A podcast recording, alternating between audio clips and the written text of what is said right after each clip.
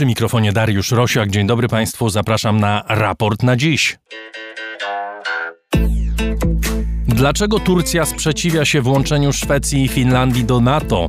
Czy chodzi o wspieranie przez te kraje Kurdów, którzy walczą z państwem tureckim, czy o grę Ankary z Waszyngtonem w sprawie uzbrojenia? A może o wcześniejsze wybory w Turcji? O tym w raporcie na dziś 25 maja 2022 roku. Raport na dziś to środowa odmiana raportu o stanie świata, programu finansowanego przez słuchaczy. Dziękuję Państwu bardzo za wszystkie wpłaty wspierające program, bo to dzięki nim raport może istnieć i rozwijać się. Jeśli ktoś chciałby dołączyć do grona patronów, zapraszam na mój profil w serwisie patronite.pl. Za jego pośrednictwem najłatwiej nas wesprzeć. Agata Kasprolewicz jest dziś wydawcą, Chris Wawrzak program realizuje. Zaczynamy.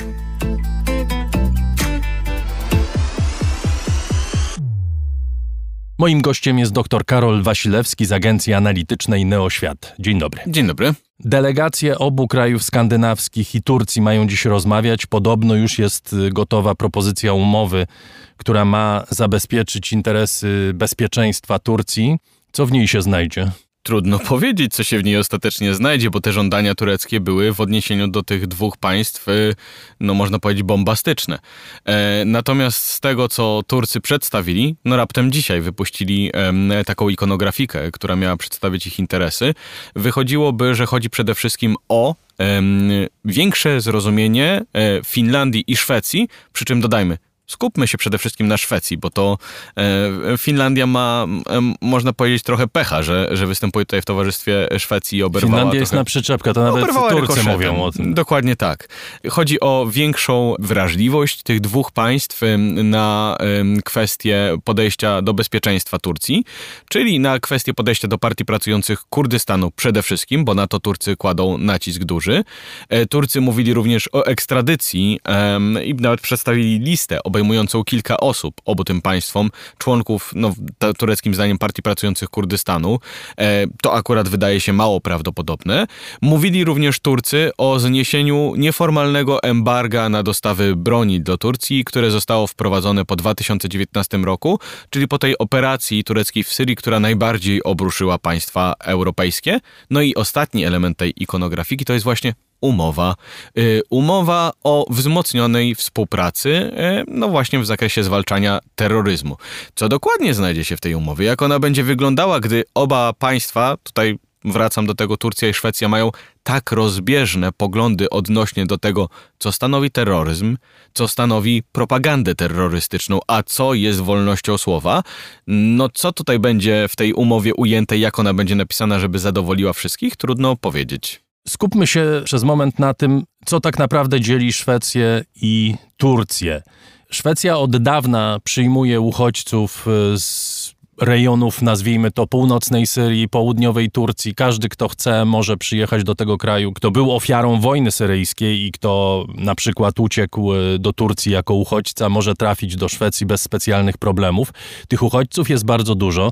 Zresztą, jak rozumiem, Szwecja od bardzo dawna wspiera również aktywność kurdyjską i zupełnie inaczej rozumie działalność Partii Pracujących Kurdystanu. Dla Turków to jest po prostu antypaństwowa organizacja terrorystyczna, która dąży do obalenia państwa tureckiego, prawda? Dla Szwecji to kto to jest? To są rewolucjoniści, to są działacze niepodległościowi? Najprostsza odpowiedź na to pytanie byłaby taka, że dzieli ich polityka e, i podejście do takich rzeczy, no jak na przykład, co to znaczy propagowanie terroryzmu? Czy demonstracja, na której pojawiają się flagi Partii Pracujących Kurdystanu, to już jest propagowanie terroryzmu? Dla Turcji tak. E, dla Szwecji to jest ciągle wolność słowa, bo nie jest przecież aktem terrorystycznym. Jest no ale jakiś... PKK się dopuszcza aktów terrorystycznych. Tak, absolutnie tak. Natomiast y, to jest, bo powiedziałem polityka, ale to jest też głębszy poziom, no właśnie tego percepcja tego, co stanowi zagrożenie. I to jest właśnie y, duży problem nie tylko Turcja-Szwecja, ale też Turcja, pozostałe państwa NATO. Bo teraz tak, NATO uznaje Partię Pracujących Kurdystanu za organizację terrorystyczną. Ale, i to jest bardzo ważne ale, turecka optyka jest taka, że po pierwsze państwa NATO nie robią wystarczająco dużo, no właśnie w tych obszarach tutaj podobnych do Szwecji, zwalczaniu propagandy terrorystycznej, finansowaniu, a tutaj dodam w takim nawiasie, że to są bardzo skomplikowane kwestie, no bo co to znaczy przeciwdziałać finansowaniu organizacji terrorystycznej? Czy to znaczy, czy to znaczy na przykład zamykać restauracje, które Turcja wskaże jako na przykład restauracje, które przyczyniają się do finansowania organizacji terrorystycznych? To są nawet tego typu sprawy, ale to najważniejsza, ta najważniejsza rzecz, która jest widoczna w ostatnich latach zwłaszcza. Jedna rzecz, która jest niedopuszczalna w optyce państw zachodnich, a jest absolutnie zrozumiała, wielokrotnie akcentowana przez Turcję, to jest to, że dla Turcji partia pracujących Kurdystanu jest jeszcze większym zagrożeniem niż na przykład Rosja. I to jest coś, co jest naprawdę klucz problemu. To jest coś, w czym trudno się dogadać. Jeśli cofniemy się kilka lat, to może pytanie powinno brzmieć, czy dla Turcji większym zagrożeniem niż Kurdowie było państwo islamskie, prawda? I czy do tej pory jest, jeżeli patrzymy na to, co się dzieje w północnej Syrii, do której dojdziemy, ale jeśli pozwolisz, przejdziemy przez stosunki ze Stanami Zjednoczonymi, bo tutaj jest chyba kolejna istotna rzecz dotycząca stanowiska Turcji wobec przyjęcia Szwecji i Finlandii, prawda? Trwa rozgrywka między Stanami Zjednoczonymi a Turcją w sprawie broni. Od 2019 roku kiedy Turcja kupiła systemy rakietowe S-400, Amerykanie zablokowali dostawy samolotów i właściwie no, mają poważny problem e, z Turcją. Nie wiadomo, jak ten problem rozwiązać. Mało tego, teraz do tej blokady przyłącza się Grecja, co wywołuje wściekłość Erdoana.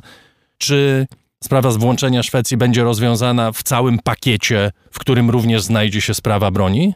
E, może dodam tylko króciutko, żeby podeprzeć to, co, co się tutaj pojawiło. Rzeczywiście Turcja nawet nie ukrywała tego, że Partia Pracujących Kurdystanu jest przez nich postrzegana jako większe, większe zagrożenie niż to tak zwane państwo islamskie, no bo po prostu stanowi zagrożenie dla Turcji terytorialne i może doprowadzić zdaniem Turcji do rozczłonkowania państwa tureckiego. A Kurdowie, przypomnijmy, byli wspierani przez Stany Zjednoczone w walce z państwem islamskim. Dokładnie tak. I teraz przechodząc do tych Stanów Zjednoczonych, może zwróćmy w ogóle uwagę na to, jak negocjuje Turcja, bo negocjuje z grubej rury, to znaczy znaczy wrzuca do tego wielkiego worka w zasadzie wszystko. Jeśli czymś zajmowały się stolice europejskie w ciągu ostatniego tygodnia, dwóch, to było odcyfrowywanie, o co może tak naprawdę Turcji chodzić. E, bo to było związane innymi z retoryką Tayyip Erdoana, który początkowo, no pamiętamy te słowa, że jeśli e, Finlandia i Szwecja, e, czy ich przedstawiciele zamierzają przyjechać do Turcji tylko po to, żeby pouczać Turcję, e, na czym polega PKK, to w ogóle niech sobie darują. Co zostało przez całą prasę w zasadzie światowo zinterpretowane jako sygnał nie przyjeżdżajcie, to nie ma sensu. Po czym Tayyip Erdoğan dodał, no nie możemy dopuścić do członkostwa państwa, które nakłada embargo, czyli w zasadzie kolejny sygnał, że chodzi o coś zupełnie innego.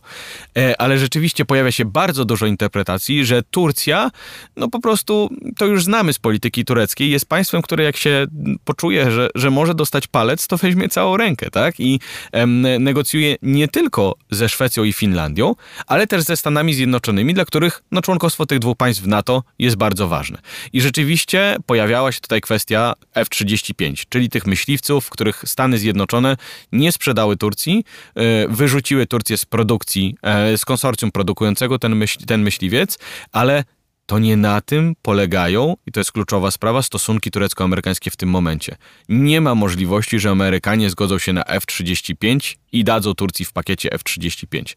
Stosunki turecko-amerykańskie polegają, no właśnie, na tym, że Turcja, aby no poniekąd uratować te stosunki turecko-amerykańskie, jeszcze je w czymś zakorzenić w obszarze współpracy wojskowej, zwróciła się jakiś czas temu do Stanów Zjednoczonych z prośbą o F-16 zakup nowych i modernizację dotychczasowych. Potrzebuje też tego ze względu na stan po prostu własnego lotnictwa.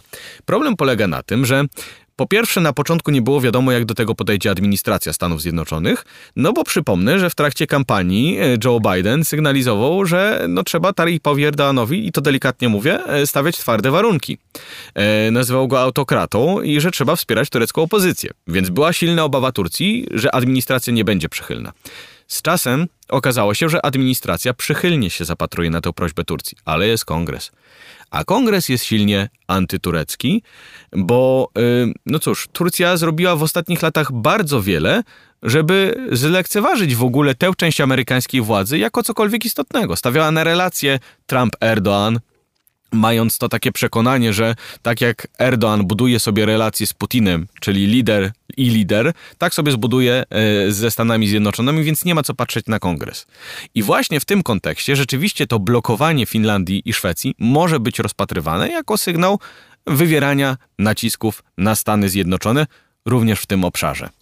I jeszcze, żeby bardziej pokomplikować rzeczy, albo może, żeby podgrzać atmosferę, e, prezydent Erdoğan zapowiada ofensywę w północnej Syrii na terenach kontrolowanych właśnie przez Kurdów to jest y, dokładka do całego tego dania tureckiego, prawda? Tak jak powiedziałem, Turcy negocjują z grubej rury i dosłownie uderzają we wszystkie y, instrumenty, które są, y, które mają do dyspozycji.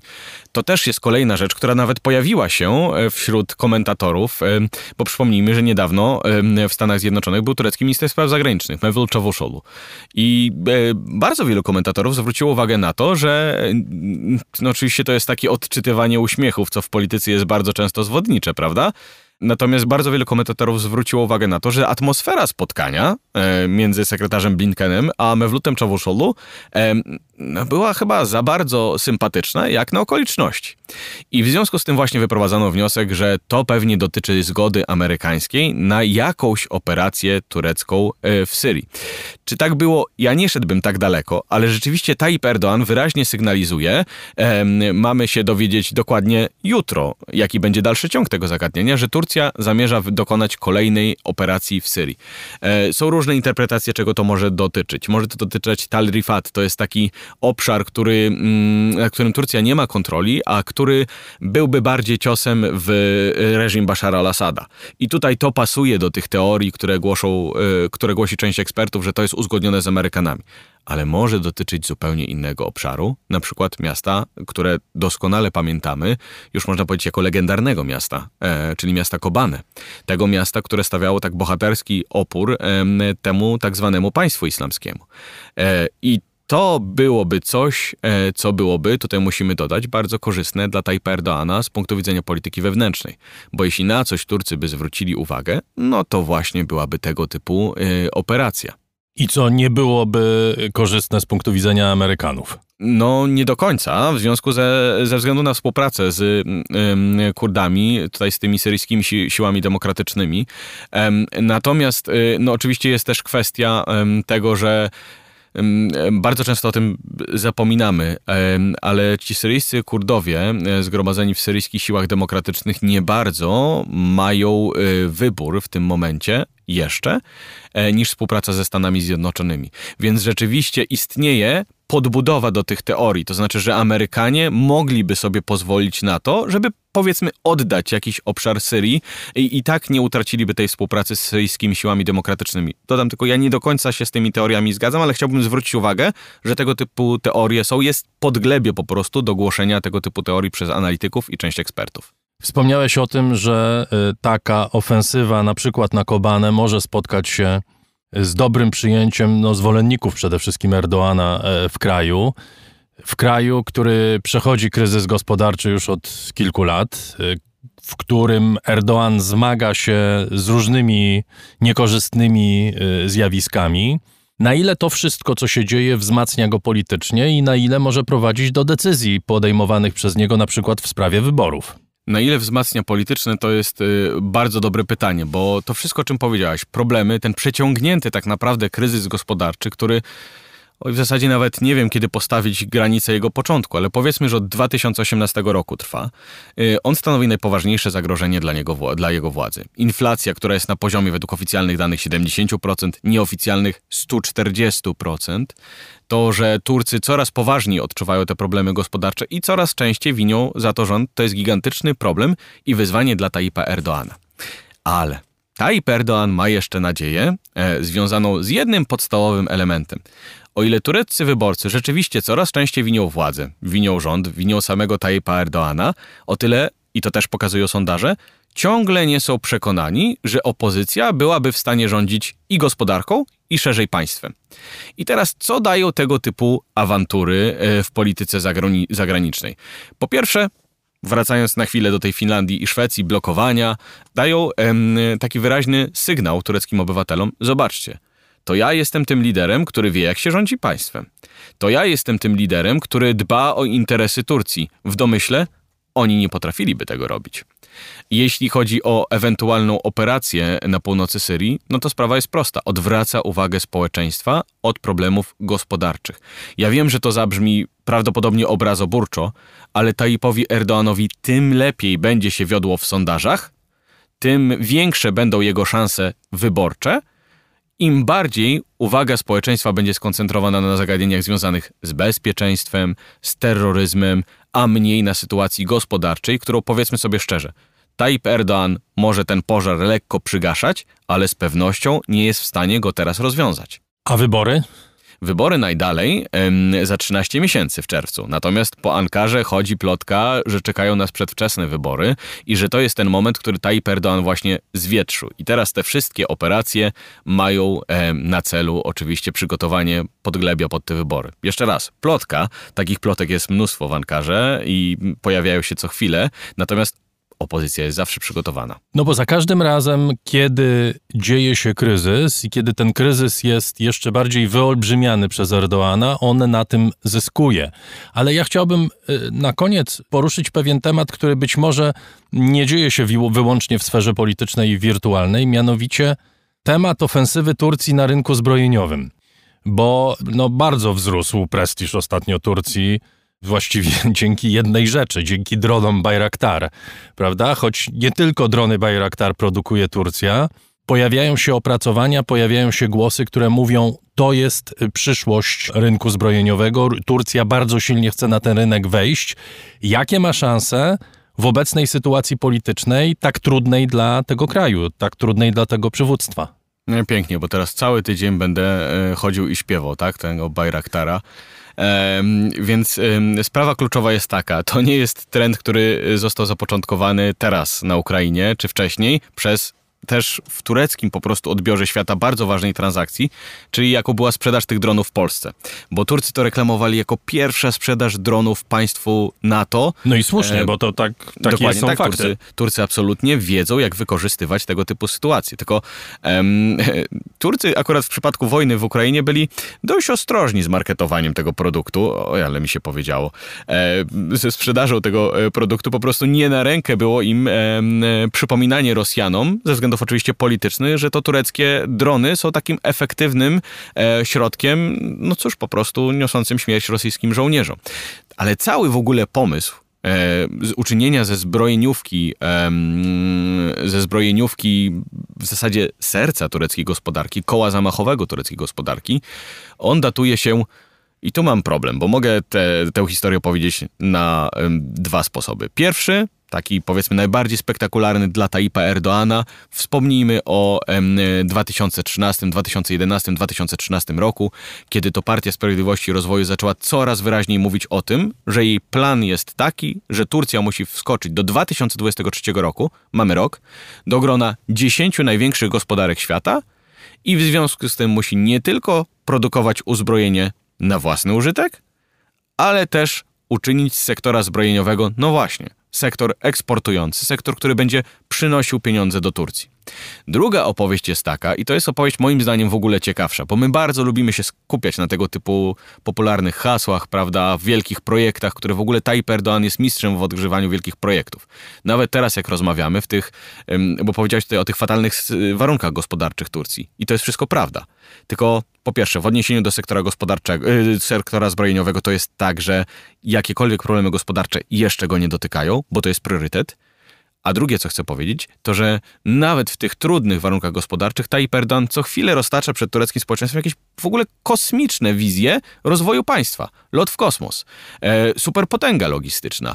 Turcy mogą w to nie wierzyć, ale to jednak oddziałuje na ich wyobraźnię. I teraz drugi sposób, wreszcie po tym długim wstępie do tego doszedłem, e, moim zdaniem ciekawszy, bo wskazujący na takie długofalowe trendy e, w polityce zagranicznej, to się datuje jeszcze na lata 70.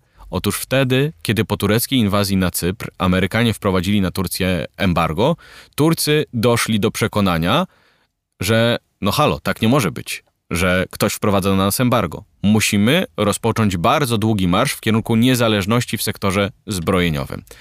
I to jest coś, na co warto y, zwrócić uwagę, bo w ogóle, zwłaszcza w tym momencie, gdy, gdy to tureckie państwo wydaje nam się takie, przepraszam za określenie, rozciapciane, że są takie tendencje i decyzje, które zostały podjęte dawno temu, a są egzekwowane do czasów dzisiejszych. Oczywiście, mimo różnych uwarunkowań, mimo tego, że co innego oznaczy samodzielność w sektorze zbrojeniowym dzisiaj, a co, co innego oznaczała kiedyś, ale są ciągle egzekwowane. Dobrze, to wracamy do początku naszej rozmowy. Trudno sobie wyobrazić, żeby Turcja zablokowała członkostwo Szwecji i Finlandii w NATO. Trudno. Nie wydaje mi się, y, powtarzam to w zasadzie od początku y, tej całej awantury, nie wydaje mi się, żeby Turcja zdecydowała się na zablokowanie czegoś tak dużego, jak przyjęcie dwóch nowych członków do Sojuszu Północnoatlantyckiego. Nie wydaje mi się z kilku względów. To nie jest tak, żebym nie traktował poważnie tego, co mówi Tayyip Erdoğan. E, bo traktuje absolutnie i moim zdaniem trzeba tego typu sygnały rzeczywiście traktować poważnie. Ale zwróćmy uwagę, jak zareagowały w zasadzie państwa sojuszu. Na tym etapie w gruncie rzeczy można powiedzieć ze zrozumieniem. O, najwyżej były takie reakcje i to też mogliśmy czytać w zachodniej prasie. Kolejny element, kiedy Turcja uprawia dyplomację bazarową, czyli że znowu będzie podbijała bębenek tak jak zawsze to robi w NATO, bo Turcja rzeczywiście zawsze w NATO stara się maksymalnie zabiegać o własne interesy. Ale nie przeszliśmy jeszcze do etapu, do którego na pewno przejdziemy, jeśli Turcja będzie kontynuowała to, to blokowanie ogromnej presji politycznej, jakie państwa NATO zaczną na Turcję wywierać. E, na pewno coś takiego będzie e, miało miejsce, bo trudno mi sobie wyobrazić, żeby na przykład państwa flanki wschodniej, którym bardzo zależy na wzmocnieniu obecności NATO w basenie Morza Bałtyckiego, z czasem nie zareagowały. No dobrze, to chyba jeszcze trudniej sobie wyobrazić, że Turcja zrealizuje groźby, które już się gdzieś tam pojawiają, że opuści sojusz, jeśli ta presja, o której mówisz, będzie się wzmagać. Nie, to jest coś, co powiedział Devlet Bachczeli, czyli e, teoretycznie można powiedzieć, druga osoba w państwie. To jest, to jest um, lider partii nacjonalistycznej, która jest obecnie w koalicji z partią rządzącą. Mówię teoretycznie druga osoba w państwie, bo nieformalnie oczywiście, e, ale osoba, na której wisi w tym momencie władza, e, bo większość po prostu parlamentarna Partii Sprawiedliwości i Rozwoju. Devleta Bachczeliego można interpretować jako człowieka, który wielokrotnie tak robił, jest takim balonikiem testowym i wypuszcza pewne rzeczy w dyskurs. Ale można też to traktować po prostu w kategoriach politycznych. Gdy ma się, tak jak partia nacjonalistyczna, coraz większe problemy w sondażach, to czasem mówi się też do tych, którzy no tam, jeśli dobrze pamiętam, 28% wyborców ugrupowania nacjonalistycznego uważa, że Turcja powinna opuścić NATO. Czasem kieruje się przekaz również do nich, bo takie procenty e, mogą e, ważyć. Wycofanie się Turcji z NATO. E, Okej, okay, wyobraźmy sobie nawet sytuację, że Turcy, e, podobnie jak my, z zaskoczeniem interpretują słabość Rosji która jest widoczna w konflikcie w Ukrainie. Ale załóżmy, że ją dostrzegają i że to wpłynęło na ich myślenie. W dalszym ciągu zdają sobie sprawę z tego, że NATO stanowi dla nich parasol bezpieczeństwa, parasol nuklearny, e, parasol, który umożliwia im właśnie to prowadzenie takiej dziwnej, ni to kooperatywnej, ni to konkurencyjnej polityki z Rosją, ze względu na to, że zawsze jest ten ostateczny argument, Stany Zjednoczone stoją za naszymi plecami. Nie sądzę, żeby w tak niestabilnych uwarunkowaniach Turcja pozwoliła sobie na opuszczenie Sojuszu Północnoatlantyckiego. Ale jest jedna kluczowa rzecz e, i o tym musimy pamiętać. Już na zakończenie. Skupiamy się na tej awanturze, którą Turcja wywołała, a bardzo często zapominamy o tym, że rzeczywiście mamy problem z Turcją. Tym problemem nie jest awanturnictwo tureckie. E, nie jest styl uprawiania polityki, ale jest to w zasadzie od czego wyszliśmy. Rozjeżdżająca się coraz bardziej percepcja bezpieczeństwa między Turcją a pozostałymi członkami NATO. I to jest gigantyczny problem, na który w tym momencie Sojusz Północnoatlantycki nie ma rozwiązania. Dobrze, ale to bardzo mnie zainteresowałeś. To znaczy, na czym polega to rozjeżdżanie się? No choćby ta kwestia, że Turcja nie postrzega Rosji jako zagrożenia że Turcja... Dla no, ale Turcji... nie postrzega Rosji, jak sam wspomniałeś, jako zagrożenia, dlatego że jest w NATO. Nie. Nie, nie, nie. Turcja w ogóle w swoim myśleniu, oczywiście tak, to, to, to chodzi o instrument, tak, że nie mm. postrzega jako zagrożenia, to znaczy, że jest zabezpieczona w tym sensie. Ale Turcja nie uważa wojny między Turcją a Rosją za rzecz prawdopodobną. E, Turcy postrzegają Rosję jako partnera. E, I wiem, że teraz możemy powiedzieć o tym, że Niemcy e, i tak dalej, Ostpolitik e, i tak dalej, i przytoczyć tysiąc argumentów na rzecz tego, ale dodajmy do, tego, do tej układanki drugą rzecz – to, o czym powiedziałem, czyli że dla Turków na przykład PKK jest większym zagrożeniem niż Rosja i Turcy dość wyraźnie to sygnalizują.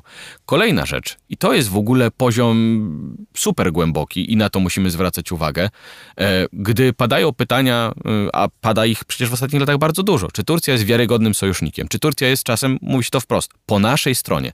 Co to znaczy być po naszej stronie? E, wydaje mi się, że częściowo znaczy to wierzyć w to, że jest coś takiego, e, czy uważać, że jest coś takiego jak zachodni porządek międzynarodowy, który jest korzystny dla nas, na przykład jako dla Polski. To jest porządek międzynarodowy, który polega na e, przestrzeganiu prawa międzynarodowego, na tym, że państwa mają swobodę wyboru sojuszów i tak dalej, na oczywiście też w przypadku Polski, ważnej roli Stanów Zjednoczonych w architekturze bezpieczeństwa. No i teraz spójrzmy na Turcję. Turcja podobnie jak, jak Rosja, e, co jest też ciekawe, jest bardzo zainteresowana tak zwanym wielobiegunowym porządkiem międzynarodowym. On oczywiście ma inny wymiar w Rosji i w Turcji, ale wspólny jest ten, no właśnie, pień. Wielobiegunowy porządek międzynarodowy. Mniejsza rola Stanów Zjednoczonych. No powiedzmy sobie też szczerze, dla wielu Turków, i to też pokazują sondaże, Stany Zjednoczone są większym zagrożeniem dla bezpieczeństwa państwa niż Rosja. Jakbym słyszał y, opowieść o Francji na przykład. Turcja nie jest jedynym państwem, które ma tego typu problemy, prawda? Jakbym słyszał opowieść o Węgrzech, o kraju, który nie jest do końca wiarygodny, jeśli chodzi o sojusze w, ramach Europy czy w ramach NATO już w tej chwili. Chce się dodać, jak wiele opowieści w ogóle z czasów Trumpa, nie?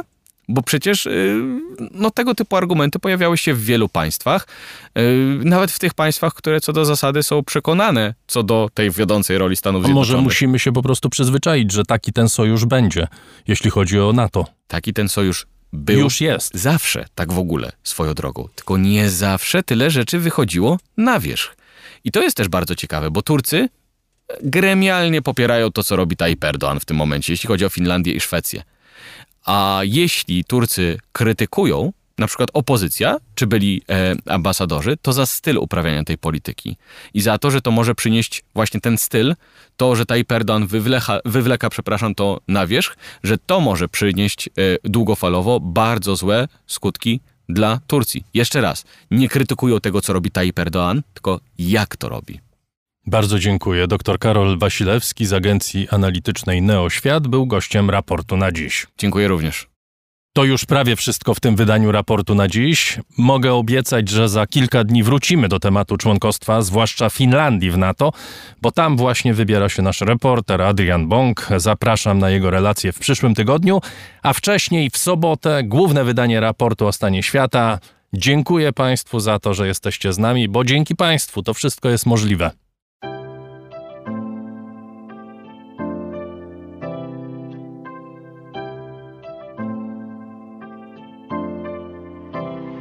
Raport o stanie świata od marca 2020 roku rozwija się dzięki Państwa zaangażowaniu i szczodrości.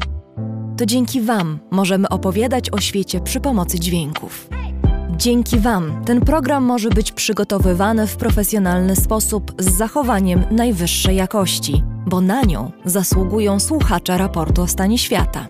Z serca dziękujemy wszystkim Państwu za wpłaty. Wasza hojność jest dla nas ogromnym zobowiązaniem Zbiórka na patronite.pl ciągle trwa. Zachęcam do udziału w niej. Najhojniejsi patroni raportu o stanie świata to firma Ampio Smart Home, Aureus, leasing, kredyt, ubezpieczenia, księgowość. Sprawdź nas na www.aureus.pl. Hotel Bania Termal i Ski w Białce Tatrzańskiej, oferujący pakiety pobytowe z termami w cenie. Firma doradcza Crido. Gdzie polek.pl wyszukiwarka leków w aptekach stacjonarnych i internetowych. Sebastian Kazek, Edu-Navigator, szkolenia z pierwszej pomocy. Razem w przyszłość. Polsko-Japońska Akademia Technik Komputerowych. Warszawa, Gdańsk, Bytom.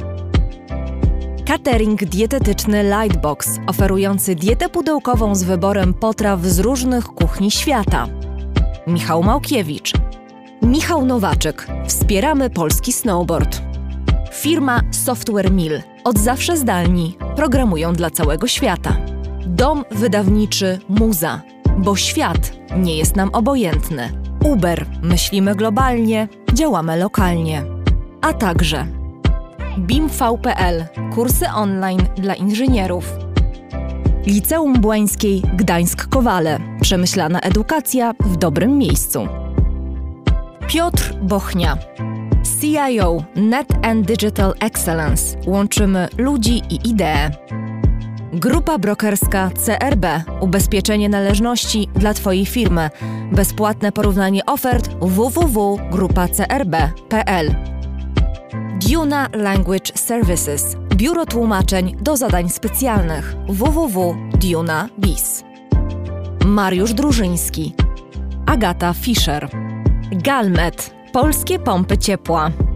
Marek Jerzewski. JMP. Z miłości do sportu, z najlepszych tkanin, w sercu Podhala szyjemy dla Was porządną odzież. Palarnia kawy La Cafo z Augustowa. LSB Data. Dedykowane aplikacje internetowe dla biznesu. Masz pomysł? Zrealizujemy go. lsbdata.com Alan Meller. Aplikacja Moja Gazetka. Polska proekologiczna aplikacja zakupowa z gazetkami promocyjnymi i nie tylko. Moja Gazetka. Kupuj mądrze. Oil Medica. Kosmetyki pod Twoją marką. Firma Prosper z Sosnowca. Hurtownia elektroenergetyczna i właściciel marki Czystuś. Wydawnictwo SQN. Więcej niż książka. www.wsqn.pl